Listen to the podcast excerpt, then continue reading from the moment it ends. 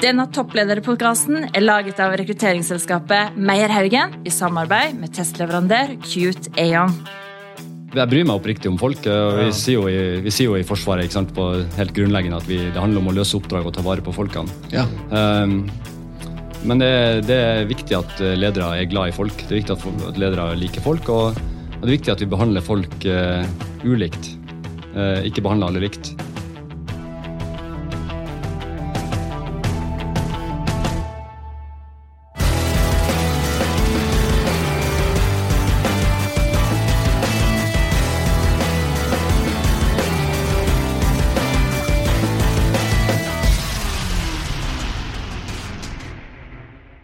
Sverre, nå har vi en kjempespennende gjest i studio. Det har vi. Og nå var det jo nesten som vi måtte gå i rett. Ja, og det gjør vi også, men velkommen til deg, Eirik Kristoffersen. Du er forsvarssjef. Tusen takk. Takk for at dere inviterte meg. Og jeg tenker forsvarssjef, Det er en klang over det, den tittelen som eh, Da du er, da er du helt der oppe og dykker. Det er jo oppe der.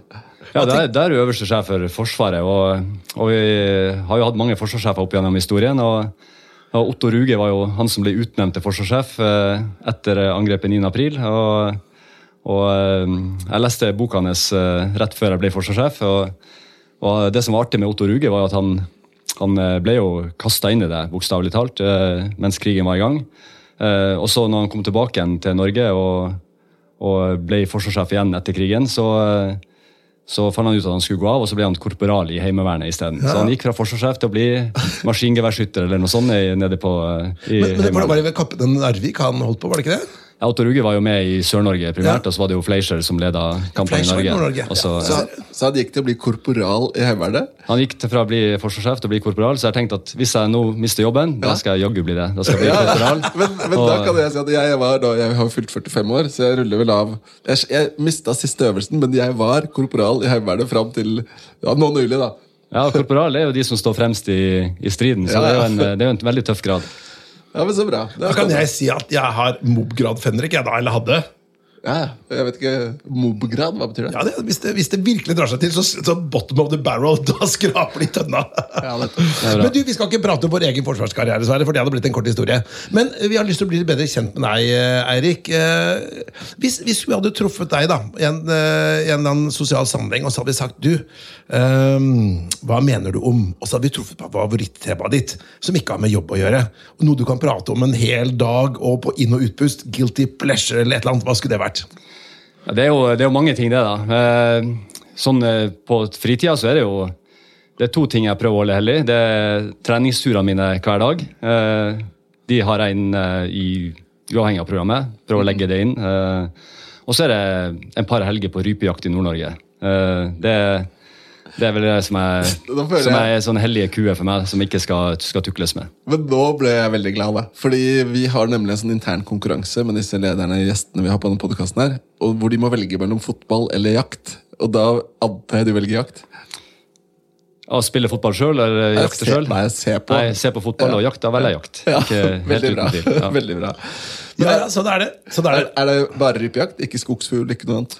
Nei, Jeg har jo skjønt at tida er begrensa. Jeg har jo gått på skogsfugljakt òg, men eh, det har blitt fjellrypejakt på fjellene i Nord-Norge uten eh, hund.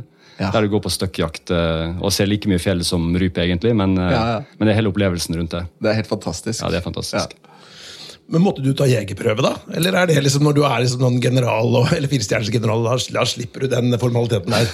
Nei, du slipper ikke unna noen ting, egentlig. Men eh, jeg var heldigvis eh, så tidlig på jakt. I første gang jeg kjøpte jaktkort, var vel i 1986. Så det var før jegerprøve var, var funnet på. Så det det, ja? ble automatisk eh, videreført. Så jeg slapp jegerprøven. Ja, men det, du holder deg godt, da. Ser ung ut. Ja, takk skal du ha. Det er sikkert pga. den treningsturen og, og kanskje jaktturene. ja. Bra. Men du, eh, du var jo da eh, den yngste forsvarssjefen i Norges historie, stemmer det? Ja, Kronprins Olav var jo forsvarssjef formelt under krigen, så han var jo yngre enn Han fikk det vel litt pga. familiære connections? Han fikk det jo for at han var i London, og fordi eh, Otto Ruge som jeg nevnte tidligere, satt i fangenskap Ja. i, i Tyskland. Eh, så måtte man utnevne en forsvarssjef, og, og da var jo eh, kronprins Olav et, et, et godt valg. men utenom ham. Jeg vet om han, så er jeg vel den yngste, så vidt jeg har sett. Ja. Men jeg tenkte vi skulle la oss prate litt om Forsvaret generelt. Altså, eh, et av temaene vi skal ha opp i dag, er jo, altså det er jo toppledelse, men også litt hva kan Forsvaret lære til oss som er det sivile. Eh, Men litt om Forsvaret, da. Hva er visjonen til Forsvaret? Hvorfor har vi et forsvar? Vi har jo et forsvar fordi vi aldri mer skal oppleve 9. april. Eh, vi har et forsvar for å sikre freden vår. Sikre at vi ikke blir overraska en gang til. Og at vi eh, skal kunne gi politikerne våre eh, den handlefriheten eh, som de trenger for å kunne ta, ta viktige avgjørelser uten å være bekymra for, for sikkerheten og, og kan du si eh, nasjonen Norge som mot eksterne trusler. Da. Så vi har et forsvar for å bevare freden, først og fremst. Eh, og så blir jo det brukt eh, selvfølgelig til operasjoner i utlandet, til å håndheve eh, suverenitet med kystvakta, til grensekontroll som Heimevernet står i. Så, så primært så er det en beredskapsorganisasjon som skal være sterk nok til at vi, vi ikke opplever å bli eh, eh, angrepet militært en gang til. Jeg må bare si, Apropos du sier 9. april. da. Bestefaren min, da, som jeg er oppkalt etter, han heter Petter Meyer, han òg, han satt på Stortinget da, eh, i eh, eh, altså 9. april. Og Da hadde han en leilighet i Oslo, og da, der var den russiske ambassaden her nå, der var den tyske ambassaden eh, i 9. april. da. Så gikk det kveldstur, han og bestemoren min, åt, altså natt til 9. april. Så var det lys i alle rom der. tenkte han, er ikke dette litt rart, da? Her er det som skjer, For det var ikke vanlig. Og så Dagen etter så måtte han flykte med kongen og signerte på Elverumsfullmakten. Så det er liksom sånn stort i vår familiehistorie. da. Ja. Så var han med i motstandskamp under krigen. da. Ja. Nei, 9. april var jo et sjokk for Norge, og, og vi sier jo heldigvis fortsatt det at, vi ikke at det ikke skal skje igjen. Ja. så ser vi at vi blir overraska. Vi ble overraska 22. juli Ja. med terrorangrepene eh, mot eh, regjeringsbygget og, og Utøya. Og vi blir overraska over eh, det som skjer i Afghanistan akkurat nå, hvor raskt det egentlig faller sammen. Mm.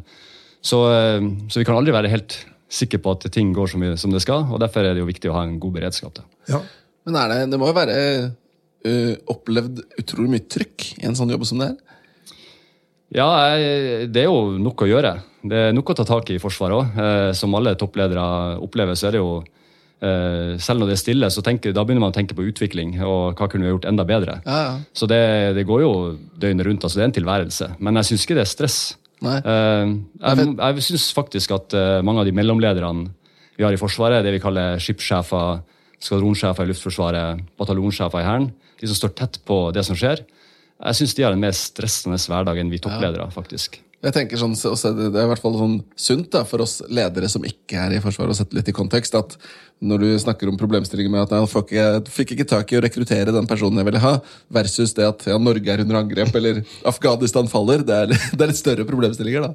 Ja, det, er jo, det er jo store problemstillinger, men det er jo mange av de samme prinsippene som gjelder. Det er, det er veldig mange detaljer som skal være på plass uh, for at vi har en god nok beredskap, og for at uh, vi klarer å, å utdanne de vernepliktige vi har i Norge til å bli gode soldater og, og få hele systemet til å fungere. Og, og Det tror jeg nok er ganske felles for alle toppledere. at Du, du, du er ikke sjef bare for en snever bit av, av en virksomhet, du er sjef for hele virksomheten. Men, men det jeg er interessant, er for vi har jo vært i Forsvaret, Sverre og jeg, og mange andre ungdommer. eh, Vi er ikke ungdommer nå, da, riktignok, men vi, vi, jeg var inne på begynnelsen av 90-tallet. Og, og som resten av samfunnet så har jo Forsvaret utviklet seg veldig. da. Jeg husker jo kanskje på 90-tallet så var ikke Forsvaret det var ikke så veldig imponerende, det jeg opplevde. da. Så Jeg hadde lyst på en militær karriere, men tenkte nei, det, dette tror jeg ikke. dette har jeg ikke så lyst på, for det var ikke så, var ikke så spenstig, rett og slett. Men hva, hva, hva er den store forskjellen på Forsvaret før og nå? Den store forskjellen er jo at vi har et mye mindre forsvar. Ja. Så vi har gått bort fra kvantitet og begynt med kvalitet. Vi har satsa veldig kvalitativt eh, de siste årene. Eh, Vi ser jo også at eh, på den tida du var inne, så var det jo den, den kalde krigen var over. Vi levde på en måte i en litt sånn fredseufori, der vi trodde at eh, nå var de store konfliktene ute. Eh, og så dukka det jo veldig fort opp eh, krig, borgerkrig på Balkan, eh, Afghanistan eh, for oss. Eh, vi ser det som skjer i Afrika, Sahel, Libya. Eh, så verden var ikke så, så rolig som vi hadde trodd. Eh, og så ser vi nå igjen at uh, stormaktsrivaliseringa i tillegg er tilbake. da. Eh, og det har skjedd egentlig siden jeg vil si at det starta i 2007-2008 med, med et mer selvhevdende Russland. uh, og, og, en, eh, og en vekst i Kina, eh, som gjør at eh, både Kina og Russland eh, nå utfordrer USA, som egentlig sto igjen etter den kalde krigen, med hegemoniet i verden. da. Det gjør det ikke lenger. Nå er det andre stormakter som utfordrer der. Så vi har både de her konfliktene som eh, vi ikke kan bare stå og se på utspille seg i, i eh, land som Afghanistan, Irak og, eh, og eh, Nord-Afrika. Og så har vi i tillegg stormaktsrivaliseringa. Og alt det her har jo- selvfølgelig skjerpa Forsvaret. Ja. det har gjort at vi vi, vi kan ikke lenger bare produsere til en svær hær. Vi må Det vi har hver dag, må virke hver dag. Og det er det vi har. Men et, et spørsmål for å se litt på parallellen. Som hvis du som toppleder i en organisasjon, så har du jo veldig stor påvirkning på den organisasjonen og hvor den går. og sånn. Hvordan er det som forsvarssjef? Har du en på, direkte påvirkning, eller er du litt sånn ja, du blir satt til å gjøre en jobb, og den maskina går sin gang uansett? Eller føler du at du er med på å påvirke ting? Jeg, mener at det har veldig stor påvirkning. Eh, Jeg tror det har veldig mye å si hvem som er sjef på alle nivåer. Ja. Så det som måten vi blir styrt på, er jo gjennom en, en langtidsplan for Forsvaret som blir vedtatt av Stortinget. Og så får jeg jo tildelingsbrev fra Forsvarsdepartementet hvert år. Eh, Så jeg har både langtidsplan, som på en måte gir de politiske lange føringene, men så er det konkret eh, tildelingsbrev som, som sier skal, hvordan budsjettet ser ut neste år, og hva jeg skal oppnå. Men innenfor der så har jeg et stort handlingsrom. Og, og det som eh, har vært eh, bra, syns jeg, siden jeg ble forsvarssjef, er at vi har et krav til effektivisering, intern effektivisering i Forsvaret. Ja. På, eh, I løpet av fire år på varige effekt på 1,9 milliarder kroner. Og det gir jo det gir jo meg et handlingsrom for å finne en bedre måte å drive Forsvaret på. For jeg må oppnå de kravene som departementet har stilt til meg på effektivisering. Eh, som er en veldig konkret stimulans for å forbedre eh, Forsvaret. Da. Ja. Å, du har et kjempespørsmål, og det går på dette at eh, Hva tror du er den største trusselen innenfor ditt område da, mot Norge nå? Ja, det er jo det, det er ganske opplagt, spør du meg. Det, det er to ting som, eh, som vi blir utsatt for hver eneste dag. Det ene er jo, eh, er jo at Norge blir utsatt for angrep i det digitale rommet. Mm. Det skjer hele tida. Det er ikke så langt unna herfra. Det var noen Nei. nye eksempler Mot på det. Stortinget, mot uh, Helse Sør-Øst, mot uh, Forsvaret, mot uh, alle bedrifter, egentlig. Ja. Um, så, så det er jo en blanding av eh, kriminalitet, eh, gutteromspåfunn, eh, men også eh, nasjonalstater som gjør det her. Så det, det er en reell trussel hver dag. Eh, og I tillegg så, så er det jo et, et mediebilde i dag som er prega av både populisme og, og forsøk på å, å skape splid. Og det her blir jo også utnytta. Det, altså, det med falske nyheter er noe vi står overfor. Så det å være at de unge nå lærer seg til å være kritisk til det vi leser, det, er- det, det er veldig viktig for Norge sin, sitt, sitt, eh, trygghet. Da. Det er ganske interessant, fordi jeg husker fra min førstegangstjeneste, det var ikke så mye snakk om denne type trusler da. Eh, Nei, det har jo endra seg. Nå snakker vi om, eh, om eh, fem det vi kaller domener som vi opererer i. Det er jo de tradisjonelle land, sjø og luft, og så er det cyberdomenet, og så er det i tillegg eh, rom, altså space. Så Norge satser både på, på cyber og space, også på forsvarssida. Men jeg må bare si at Forsvaret har en ganske høy anseelse i befolkningen. har det ikke det? Altså, når jeg prater med folk om, om Forsvaret, så det er sånn eh, hvis du tenker andre institusjoner i Norge, er det jo mye mer debatt rundt. Og det er sikkert debatt rundt Forsvaret, og det er ikke det jeg sier, men jeg tror det er en ganske høy oppslutning i befolkningen generelt om at Forsvaret gjør en god jobb. Ja, Vi opplever jo det på, på Vi gjennomfører jevnlig innbyggerundersøkelser for å få, få en pulsmåling på hva syns folk om Forsvaret. og Det som scorer aller høyest, er jo den norske soldaten. Altså, vi har jo verneplikten fortsatt i bunnen i Norge, og det gjør jo at vi får en stor legitimitet, og folk har tro på den norske soldaten. Eh, over eh, 80 av den norske befolkninga sier at de stoler på den norske soldaten. Og det, er- det er høye tall hvis du sammenligner med andre kan du si, makt, eh, maktmyndigheter. Da. Eh, og I tillegg så er det stor oppslutning rundt både Nato-medlemskapet og, og tiltro til at, til at Forsvaret kan gjøre jobben sin. Og så scorer vi dårlig på de vanlige tingene som veldig mange offentlige står dårlig på. Det er jo evnen til å tenke nytt og inkludering, mangfold og, eh, og ikke minst eh, hvordan vi bruker pengene. Ja. Men, men mangfold, da, for å ta det, der har det jo skjedd veldig mye. I hvert fall hvis du tenker på kjønn, da, som en, en akse av mangfold, som ofte er det det separeres ned til. For nå er det vel en ganske stor andel av kvinnelige førstegang, som er i førstegangstjeneste, versus i hvert Ja. fall tidligere. da. Ja, vi fikk jo eh, allmenn verneplikt eh, for både kvinner og menn for noen år siden. Og det har gjort at eh, andelen kvinner inne til førstegangstjeneste har jo bare økt eh, veldig. I forhold til Ja. når vi var inne, så var det jo nesten ingen eh, Nei, nei, på slutten av ikke. 80-tallet, begynnelsen av 90-tallet. Eh, nå er det jo nå, På siste innrykket i, eh, i eh, Madla rekruttskolen utenfor Stavanger, så var det jo eh, ca. 50-50. Ja. Eh, og det samme Det er ser vi nå. i. Hæren. Ja. Ja. Men jeg må bare si at det, Forsvaret har jo også endret seg Eh, også fordi at, som du sier, Trusselbildet har endret seg. sånn som Før så var det jo ekstremt viktig med fysisk, at du skulle bære tungt og gå langt.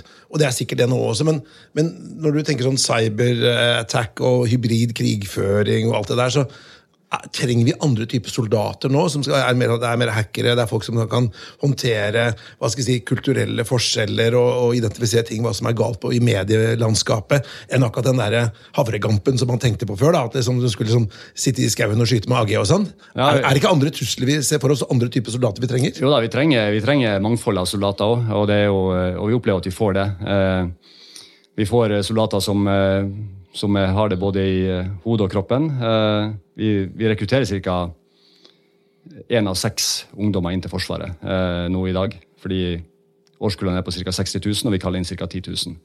Og vi får jo de her folkene som har det både i, i hodet og beina, som jeg sier. Altså, ja. de, er, de, de, er, flinke på skolen, de, de, tar de tingene her, som, som går på teknologi, veldig raskt. Og så, og så er de samtidig fysisk i god form. Så så, eh, men det, vi har jo sett at vi, eh, mange av de jobbene som gjøres nå, krever ikke den samme fysiske styrken som det gjorde eh, kanskje for eh, 30-40 år siden. Fordi at eh, jobben er å bemanne et system, mm. eh, og ikke å, å, utruste en soldat som, som det, vi er vant med. Så, men jeg opplever at vi rekrutterer veldig godt i hele det mangfoldet der. Så jeg er ikke, jeg er ikke bekymra for det. Og jeg ser ingen motsetning mot å være i god form og, og ha et godt hode. Det gjør jeg ikke. Men jeg, syns vi, vi, gikk litt vel fort forbi noe som ble sagt her i stad, som egentlig var litt sånn really? Og det var når du snakker om disse grenene. Land, sjø, luft, cyber. Og så sier du space. Betyr det at vi i Norge har folk som jobber med space-forsvar? Det har vi. Så eh, det var et prosjekt eh, som, lå, eh, som starta i departementet for flere år siden. Ble overført til Forsvaret. Det skulle egentlig ligge under Luftforsvaret, men jeg har gitt det til Etterretningstjenesten. så de de jobber primært med space-domenet nå. Og, og, vi har jo utskytingsfeltet på Andøya, og, og militær bruk av, av, eh, av, rommet er jo noe som er kommet for lenge siden, og som ja. vi kommer til å se enda mer av i fremtida. Det går jo på, på overvåkning av havområdene, det går på, um, på bildetaking, det går på kommunikasjon. Uh, vi, har, vi, er helt avhengig av, av, en rekke satellitter også i Forsvaret nå. Og så må Jeg spørre deg, for jeg har begynt å se en serie på Netflix nå som er en remake av War of the Worlds. Spaceforsvaret? Det er primært andre stater de skal forsvares mot, ikke romvesener? eller? Det er primært uh, andres, andre staters bruk av space, ja. Vi har, noe, vi har, ingen indikasjoner på at det er så veldig mye mer liv ute i verdensrommet. Så du har ikke noen hemmeligheter som du kan dele med oss der? Nei, det er ikke noen hemmeligheter. Der er det noe men, men apropos Andøya, det var vel uh, alt godt om Andøya, men de holdt jo på å starte tredje verdenskrig for noen tiår tilbake? Ja, og det er jo utfordringen. ikke sant? Uh, krig kan oppstå pga. misforståelser. Uh, og eh, sånn Historisk så sier man at krig oppstår pga. at uh, folk har interesser, eller de, uh, det oppstår pga. ære eller, eller, frykt for at noe skal skje. Og Det som skjedde på, uh, var i ferd med å skje på Andøya, med en utskytning av et, av et objekt ute i rommet, så oppfatta jo russerne at det var et, en rakett som ble skutt mot dem. sånn i noen sekunder. Men, men da er det typisk sånn at frykt kan utløse en større konflikt. Mm. Så det å, det å håndtere Eh, kan du si eh, Russland på en eh, god måte er viktig for Norge. Nettopp for å unngå misforståelser. Mm. Og det gjør vi. vi.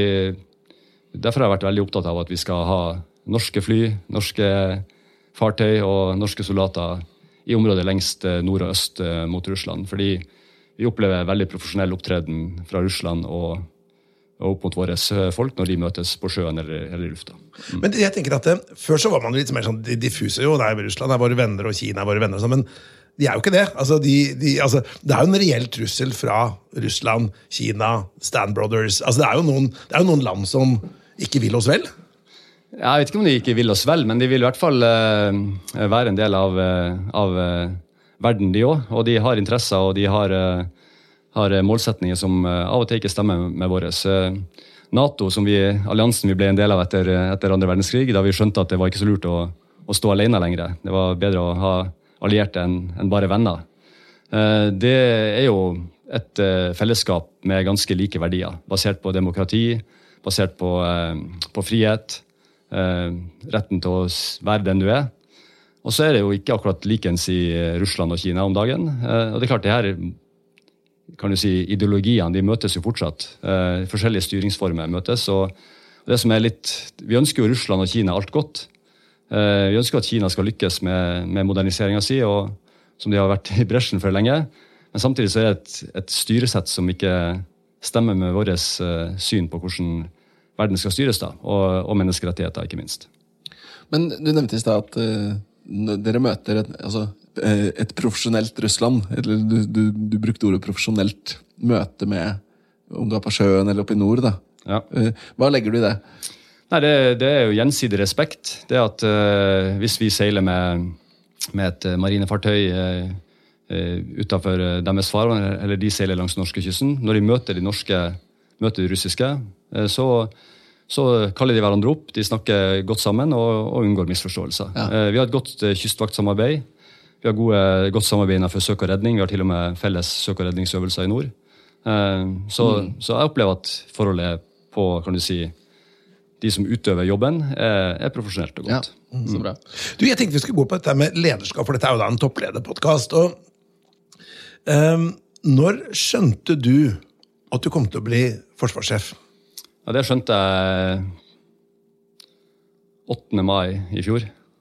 Da ble jeg kalt inn til møte hos eh, depperåden, og, og han informerte om at jeg kom til å bli utnevnt uh, tirsdagen etterpå. Det syns jeg hørtes Jeg tror ikke helt på den historien der. jo, jeg skal, jeg, skal, jeg skal begrunne det. I 1999 så følte jeg litt sånn som du fortalte om når du var i Forsvaret, at ja at hva er det egentlig jeg skal drive med. Jeg var eh, kaptein, eller rittmester som vi kalte det i kavaleriet. Og så søkte jeg opptak til spesialstyrkene. Og fikk beskjed om at det var en karrieremessig blindvei. Mm. Jeg måtte gå ned i grad, uh, måtte bli løytnant igjen, og ble jo enkeltmann i spesialstyrkene. Og alle fortalte meg at dette var en blindvei. Så fikk jeg tilbud om høyere skoleutdanning etter hvert. To ganger takka nei fordi vi skulle til Afghanistan. Da fikk jeg også beskjed om at det var en blindvei. Så det var ingenting i min karriere på det tidspunktet der som tyda på at jeg skulle bli bli forsvarssjef. Jeg hadde på en måte valgt eh, i annen retning. Og så, eh, og så, gikk det jo veldig fort etter hvert. Jeg ble sjef for Heimevernet. Og så eh, ble jeg sjef for Hæren. Hadde bare vært sjef i Hæren i et år eh, når forsvarssjefstillinga ble ledig. Eh, så jeg tenkte jo at kanskje de ville at jeg skal sitte litt lengre som sjef for Hæren. Så jeg var ikke Da jeg det, ble kalt inn på det møtet den 8. mai i fjor, så tenkte jeg at nå kommer jeg til å forklare nå kommer departementsråden til å forklare hvilke alternative planer de har for meg. Ja. Ja. Det tenker jeg. Men hadde du en, ok, da, da stoler vi på deg, da. Men, men, eh, hadde du et håp, en drøm, en ambisjon om å bli forsvarssjef? Ja, nei, Etter hvert som karrieren ble uh, reell, da, jeg vil si egentlig når jeg ble, var ferdig som sjef for Forsvarets spesialkommando, så ble jeg jo sendt på skole i USA, noe som heter US Army War mm. College, som er en sånn oberstskole. og Da tenkte jeg at uh, ok, da skal jeg i hvert fall ikke utelukke muligheten for at jeg kan mm. bli forsvarssjef. Jeg skal ta de valgene som gjør at, eh, at, jeg, at jeg, kan komme i posisjon til en gang å bli, bli forsvarssjef. Det, det, er jo et veldig sånn strukturert system. hvis du ser på altså, Du nevnte noe med at innovasjon eksempel, utvikling var ting som dere kanskje ikke alltid følte dere var like gode på. men du kan jo si at Forsvaret har jo vært en foregangsfigur på mange ting, bl.a. vårt fagfelt. Når det kommer til rekruttering, så er det gjort veldig mye forskning i Forsvaret på testing og osv. Kommet veldig langt på ledelse, annet. Og så er det veldig strukturert. Du har grader. ikke sant? Nå står du her med flotte gullpaljetter på skuldrene med fire stjerner. Eh, er det litt sånn derre cut out for you hvor du går?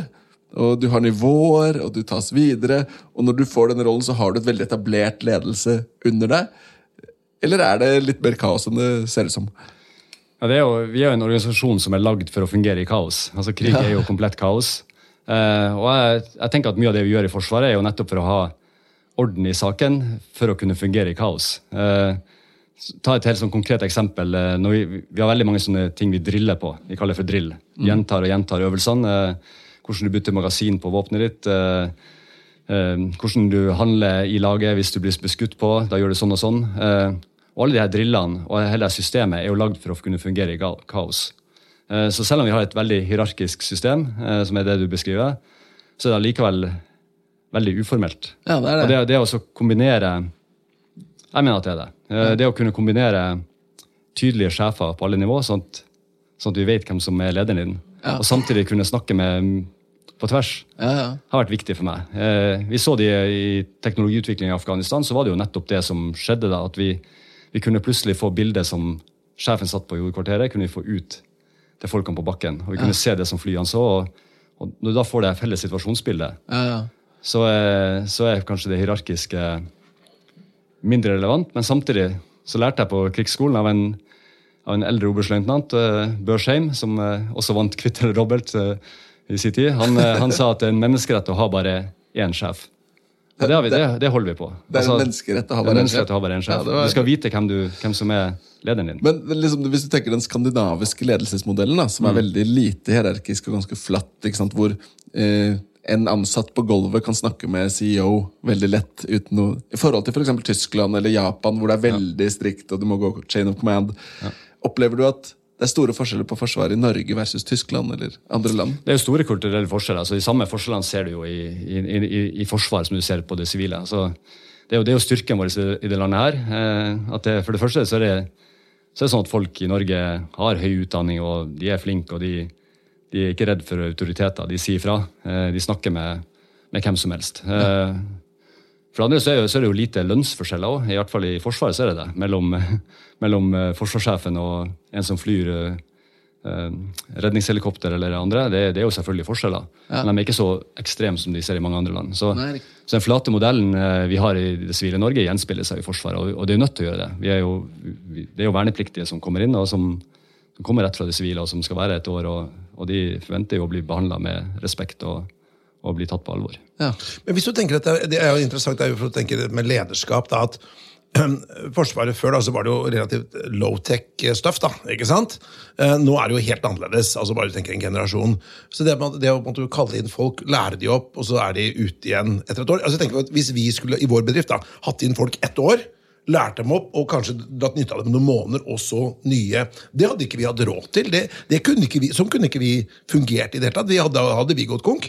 Eh, det, går vi i retning et profesjonelt forsvar, hvor du da har folk inne lenger og lønner dem, og så dropper man alle disse invasjonsforsvartankeganger. At liksom, stor del av befolkningen skal i hvert fall kunne skyte en, børse hvis det smeller. Ja. Det er et veldig godt spørsmål. Eh, svenskene har jo prøvd det, å gå bort fra verneplikt, og de har gått tilbake igjen til førstegangstjeneste. Eh, fordi et liten stat som Norge, hvis vi skulle hatt et helprofesjonelt forsvar, så tror jeg vi ikke hadde klart å rekruttere det volumet og den de folkene vi skal ha. Eh, de rette menneskene. Fordi at vi klarer aldri å konkurrere på lønn, vi må konkurrere på, på miljø og, og, kan du si eh, hensikten med at vi er. Så, så, jeg tenker at vi har gått i retning av et mer profesjonelt forsvar. Det har vi absolutt gjort. Vi har innført en offiserssøyle, vi har en spesialistbefalssøyle, mm. altså mm. de som er fagfolk. Og så har vi de vernepliktige inne til førstegangstjeneste. Og så har vi et godt innslag av sivilansatte òg. Så, ehm, så vi har absolutt blitt mer profesjonalisert. Eh, nå har vi jo folk som, som eh, står eh, lenge i samme stilling som f.eks. lagfører i infanteriet eller, eller, noe sånt. Det gjør de. Så det har gått i retning av mer profesjonelt, men jeg syns vi skal ta veldig godt vare på den verneplikten. Av de ca. 10 000 vi kaller inn, så trenger vi ca. 5000 i det vi kaller det du kalte mobbforsvaret, altså det vi kaller reservistordningen. Mm. Vi trenger ca. 5000 i Heimevernet hvert år. Eh, og Heimevernet er jo et eksempel på en organisasjon med, med 500 ansatte cirka, som kan mobilisere 40 000. Mm. Og må har en verdi i seg sjøl. Ja. Ja. Men vi, altså, vi er jo et rekrutteringsselskap da, og er jo veldig opptatt av rett person på rett plass, identifisere styrker og svakheter, som Sverre var innom. da. Hvis, hvis du skulle på en måte si Hva slags egenskaper er det man ser etter generelt i Forsvaret? Du har noen verdier som går på respekt, ansvar, mot. Men jeg tenker sånn, hva, er det du ser etter på når du skal rekruttere sånn generelt i Forsvaret, men også til din ledergruppe? Hva er, hva eh, hva er benchmarken? Benchmarken er jo, er jo folk som, eh, som, eh, tør å utfordre. Folk som, som vil noe, og som har vilje. da. Vilje til å ikke gi seg, og vilje til å stå opp for det de tror på. da. Er, er, det på alle nivåer? Det vil jeg si er på alle nivåer. Eh, og, og, det å stå for noe og ikke gi seg ved første, første mot, uh, motbør, eh, ja. men, men, faktisk presse deg gjennom, det er jo noe det var det vi så etter i spesialstyrkene. Det var jo den viljen til å ikke gi seg. Um, uansett hvordan forutsetninger var. Det er jo en god egenskap, egentlig. Mange jobber også. Men bare sånn kjapt, Du skal få svare ferdig, men jeg har en datter da, som er nå 16, og på et eller annet punkt så blir hun så vil jo hun bli kalt inn, eller?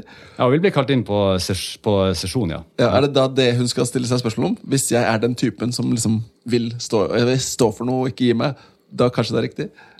Ja, da, da er hun absolutt rett eh, person til, til Forsvaret. For, det, det, for det, det, som kan eh, Den fysiske formen og sånt, det kan jo trenes opp. Ja. Men det er selvfølgelig en, en fordel å være litt fysisk robust. Det, det, er ikke sånn at, det er ikke sånn at uansett jobb i Forsvaret, så, kan du, så krever det ikke det noe fysisk eh, kapasitet. Det, det, gjør egentlig alle jobbene. Eh, vi skal fungere over dager, vi skal fungere i kaos og, og krise. Så, så, en grunnleggende fysisk form er viktig. Men, men, det, men viljen til å ikke gi seg er nok det, det aller viktigste for, å, for å komme gjennom det man, og oppnå det man ønsker. da. Men hvis vi skal se på dette med topplederskap, da. Eh, hva, hva, kan, hva kan sivile lære av Forsvaret eh, når det gjelder hva skal vi si, lederskap og toppledelse? Eh, kan topplederen hos deg bli toppledere i næringslivet, og motsatt går det jo ikke? Nei, vi har jo, vi har jo en, er jo en sivil HR-sjef som ja. har juristbakgrunn. Det, det, det, er nok sånn at, at, det er en fordel tror jeg, i veldig mange jobber å ha en viss innsikt i den den, eh, den sektoren eller den, eh, det området du skal lede. Eh, men det er jo noen fellesnevnere med, med toppledere som, som, jeg tenker går på, på tillit til de, du, til de, du, skal lede. Vi, vi vet i Forsvaret at, at, ting går ikke som planlagt. Det er en historisk eh, sannhet. Ja. Så det, hvis det er noen ting som jeg tenker at sivile kan lære av Forsvaret, så er det nettopp det her med at eh, du må forklare intensjonen med det du vil oppnå. Altså, du ja. må forklare hva, hva det egentlig du vil oppnå, men du må ikke diktere hvordan det skal oppnås. Nei, men det, er jo, sant, det, er det klassiske ordregivningen, er det ikke det? ja, det er oppdrags, eh, Vi kaller det for oppdragsbasert ledelse. Ja. Altså Du gir et oppdrag, men du gir ikke en ordre. Nei, eh, så Ordren er jo å utføre akkurat sånt. Mm. Og Det er jo nettopp fordi vi har skjønt at, eh, at det inntrer friksjon, som vi kaller det.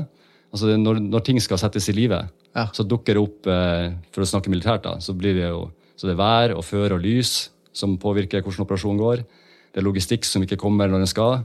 Det er en fiende som skyter på deg. Det er sambandssystemer som ikke fungerer. Ja. Alt det gjør at folk må forstå hva de vil oppnå, så de kan tilpasse seg og, og finne løsninger underveis. Ja. Og det er vi helt avhengig av å kunne i Forsvaret. Altså, ting går ikke som planlagt. Og så er vi i tillegg er vi veldig gode på planlegging. Vi planlegger for alle eventualiteter. Men, jeg, jeg, jeg bare sitere Mike Tyson. Han sa at 'everybody got a plan until they get smacked in the face'. Ja. Ikke sant, ja. Men eh, da må jeg jo spørre, da. Eh, du har jo nevnt at du har en, du har en lang karriere, bl.a. i spesialstyrkene. Har du blitt skutt på? Ja, vi har blitt skutt på, eller skutt etter, da.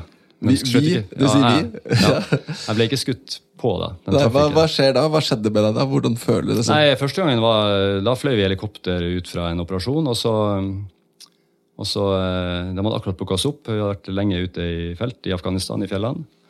Og så eh, var helikopteret eh, tok av og på vei ut, og så begynte de å skyte mot helikopteret. Og så skjøt helikopteret litt tilbake, og så satt vi der i bakluka og så utover. Ja. Um, og så var det ikke så mye du fikk gjort, da. Nei. Det var noe bare å Men Rakk du å bli stressa, liksom? Nei, egentlig ikke. Vi, det, det er jo et jeg syns ikke det var stress. Eh, det, det, som skjedde når vi kom tilbake igjen til, til basen vår, var jo at uh, helikopteret var jo truffet. da, Så ene ja.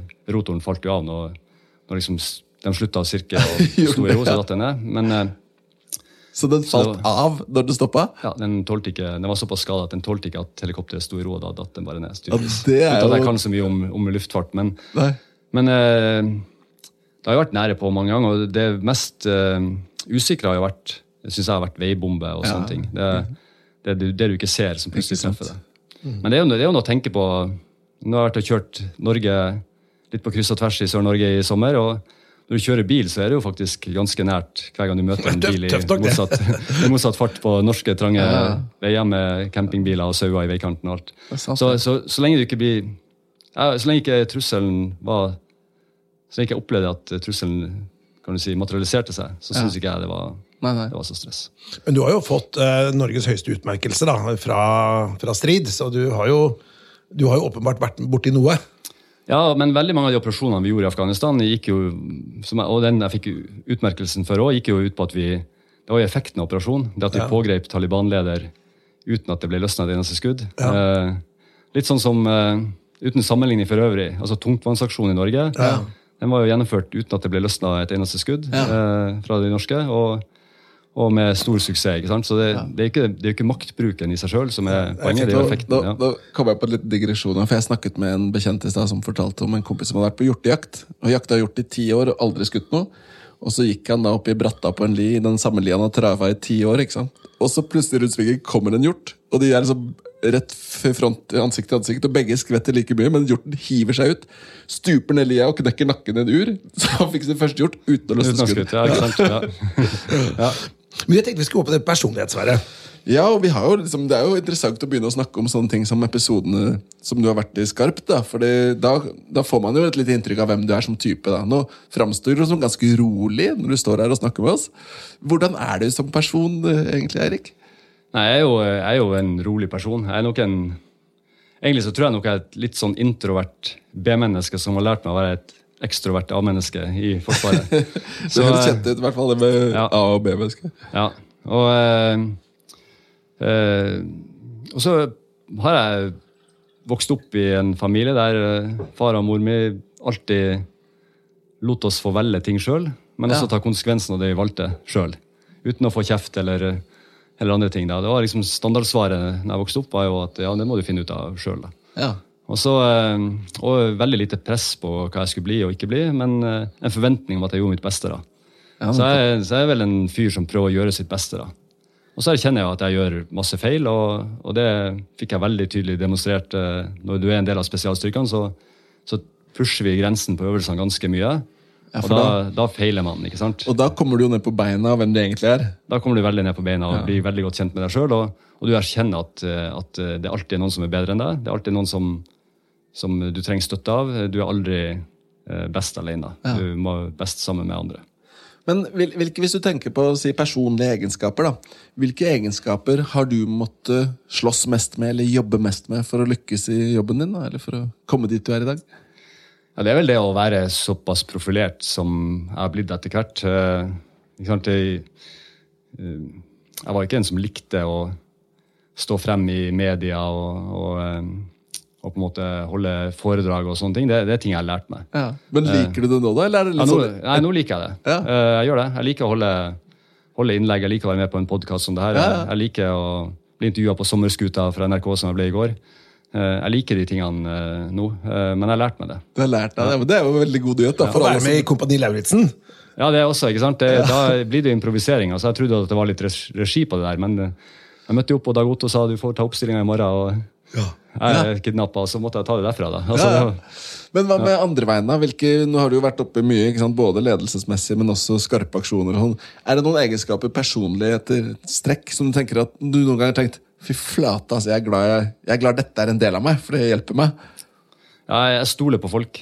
Ja, Altså, nesten til det, til, det, til det naive. Men jeg stoler på folk. Jeg stoler på at folk gjør sitt beste. Og jeg mener at jeg har sett det òg. Jeg har sett at i en krise så gjør folk sitt beste. da. ja. Så jeg, så jeg tenker at helt sånn grunnleggende så gjør, vil folk gjøre sitt beste hver dag.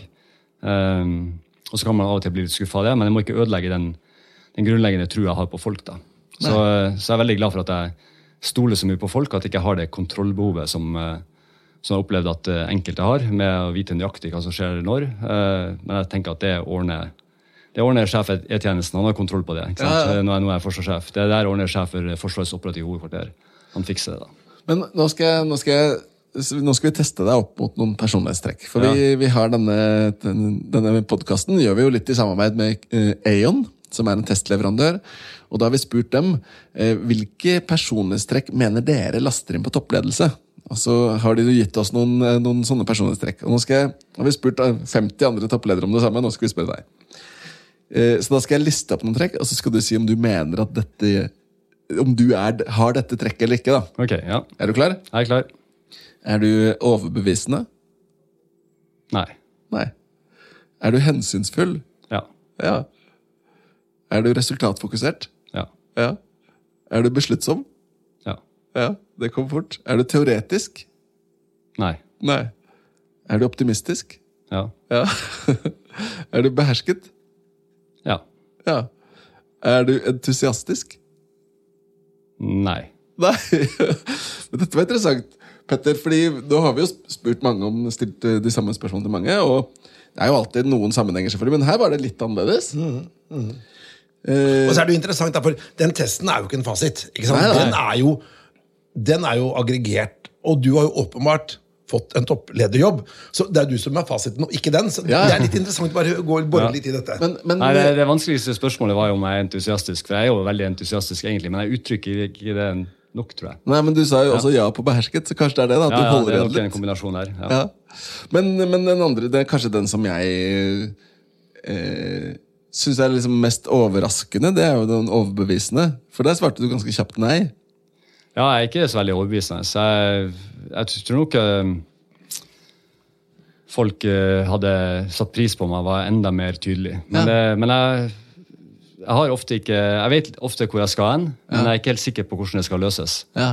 Så eh, jeg ønsker jo at folk skal forstå hvor jeg vil hen, og så skal de komme opp med de gode løsningene. Ja, riktig. Istedenfor at jeg skal Så- komme med de. Men det så- tror jeg er en veldig god kombinasjon, for ofte så kan jo ledere bli veldig detaljorienterte. Altså micromanagement. De kan si at det, vi skal dit, og, jeg, og ikke for å komme med noe forslag, men du skal sånn, sånn, sånn, sånn. sånn. Og så, og så kanskje det har for stor påvirkning. Da, men vi sier ja, vi skal dit, vi. Og så vet du ikke hvor du der er heller, for det, er jo derfor jeg har ansatt deg. Ja, det er akkurat det. ikke sant? Ja. og Jeg bruker å si det at eh, For jeg får jo ofte spørsmål om ja, hva mener du om det, og, og sånne ting. Og da svarer jeg, spør jeg jo ja, hva mener du om det? Ikke sant? Ja. Hva, hva, eller hva syns du jeg skal mene om det? Ikke sant? Og, så, så, en- ja. ja. for, for det, det som var et naturlig spørsmål, det er jo sånn at man trenger ikke være overbevisende fordi man har fire stjerner på skuldra. Alle lytter.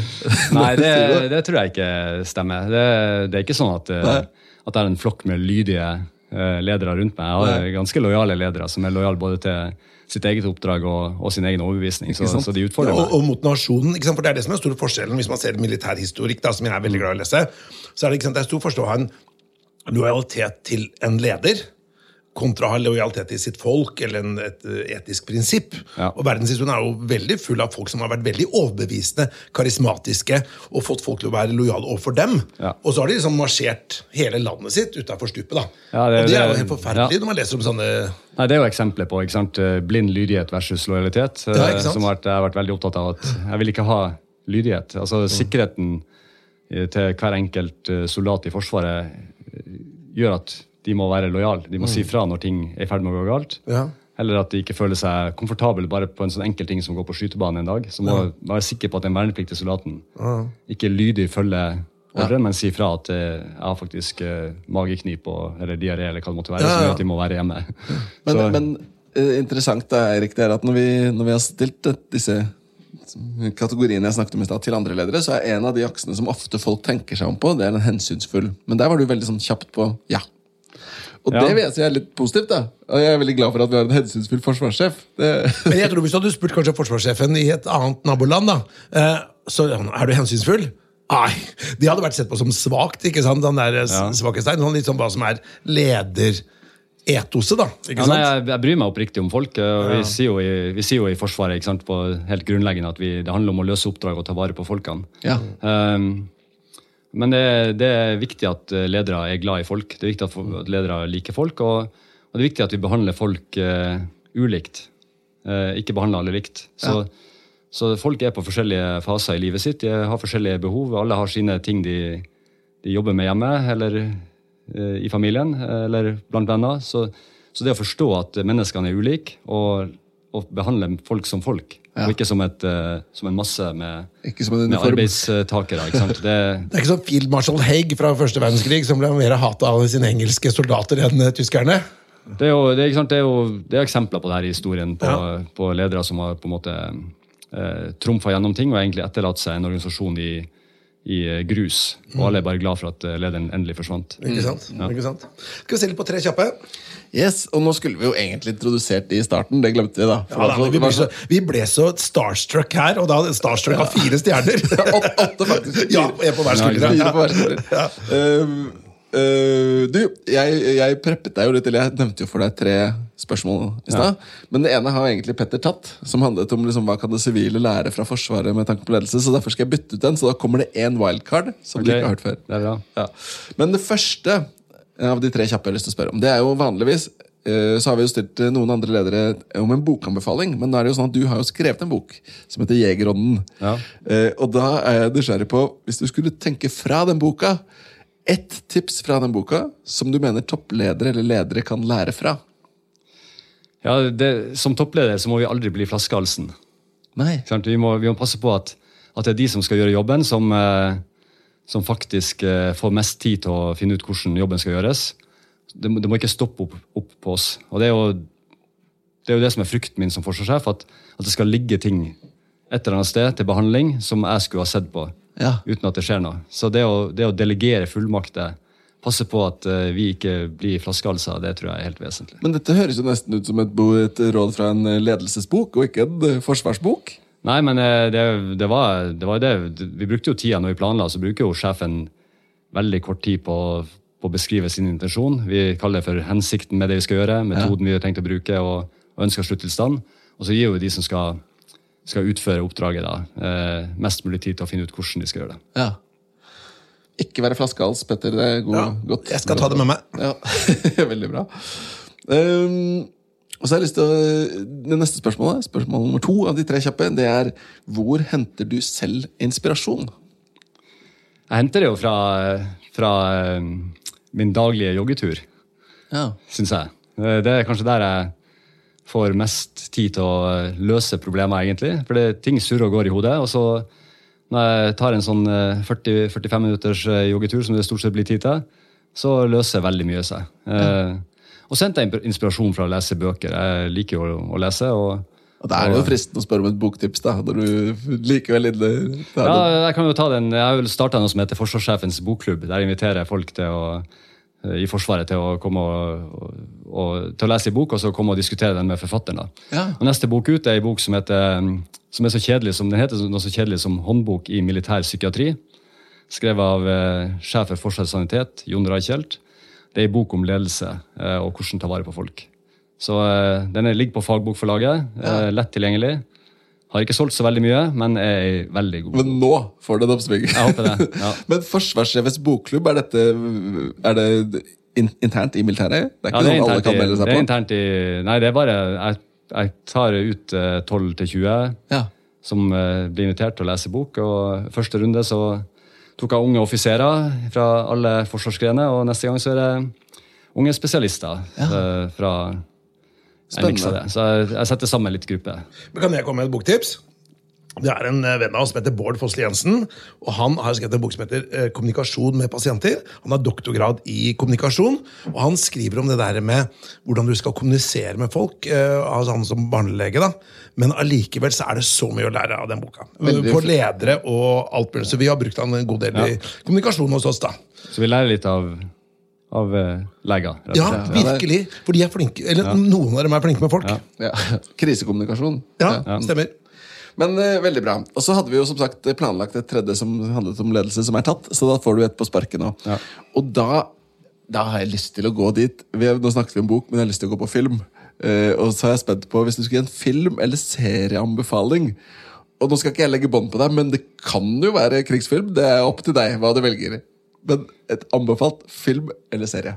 En nyere film eller en klassiker? Det kan være begge deler. Ja, nei, altså, hvis, jeg, hvis jeg hadde skulle invitert folk til å se en film Ja. om krigens galskap, Ja. så er det Apokalypse. Oh, favor, se den, se den Colosseum. Se den på Colosseum. eh, Ja, det, bare, det viser bare hvor, eh, Ja, ja. hvor kaos det er hvis vi ikke klarer å bevare fred. Altså, hvis det, når vi havner i de her krigssituasjonene, så er det Det er en klassiker. Ja, jeg må bare si. Francis Ford Coppola, som også har laget selvfølgelig Gudfaren 1, 2 og 3. Men jeg syns eh, Apokalypsen nå, basert på Josef Conrads eh, bok som heter eh, Hearts of Darkness, Ja. er jeg synes verdens beste film. Musikken og skuespillerprestasjonene og Colonel Kurtz og hele den gjengen der. Ja. Og den derre road-movien oppover uh, elva der. der. Herre min hatt. Det synes jeg er fantastisk. Dette kunne jeg prata om en hel dag. Ja, du merker det. du sp vi spurte innledningsvis hva kan man snakke med deg om. Her er du på Petters. Ja, ja, den filmen her kan jeg prate om en hel dag. Men jeg syns jo det var en fin, eh, fin, eh, fin sted å gå inn for landing. Jeg, Petter. Jeg synes det. Så tusen hjertelig takk, eh, Eirik. Fantastisk eh, hyggelig å ha deg i eh, studio. Og så må jeg gi deg et kompliment. For du overtok jo da jobben fra eh, en bergenser. Eh, og jeg må da si at det er jo hyggelig å, å ha folk eh, som da måte, kanskje løfter denne rollen litt mer åpent, litt mer transparent. Det har jo blitt en annen altså Du er jo mye mer med i media på litt mer sånn hva skal jeg folkelige Du er en mer folkelig type enn den forrige. Det er lov å si det, i hvert fall fra utsiden. Jeg syns jo forrige forsvar var veldig folkelig, men det er klart jeg kjente han jo veldig godt. Eh, Nei, jeg er jo en nordlending, så jeg, jo, eh, jeg snakker jo dialekta mi fortsatt, sånn, i hvert fall sånn brukbart. Og så har jeg opplevd at, eh, at det har vært en veldig stor interesse for Forsvaret de siste årene. og etter jeg ble forsvarssjef, så har det jo vært utallige mediehenvendelser. og Ja. Og eh, Nesten litt overraskende, for jeg hadde ikke forventa at det skulle være så stor interesse, men det har det faktisk vært. Men det har jo noe med deg å gjøre. ikke sant? At du er en kompetent og varm type som folk får tillit til. Og når du er så eh, hva skal vi si, eh, åpen, så gir det en ekstrem tillit. Og det er jo på en måte tidsånden eh, som er helt avgjørende. Og jeg har lyst til å bare si gratulerer med jobben, både til Norge og til deg. Takk skal du ha. Tusen, tusen takk. Har du innspill eller kommentarer til denne podkasten, kan du sende en e-post til toppleder at meierhaugen.no.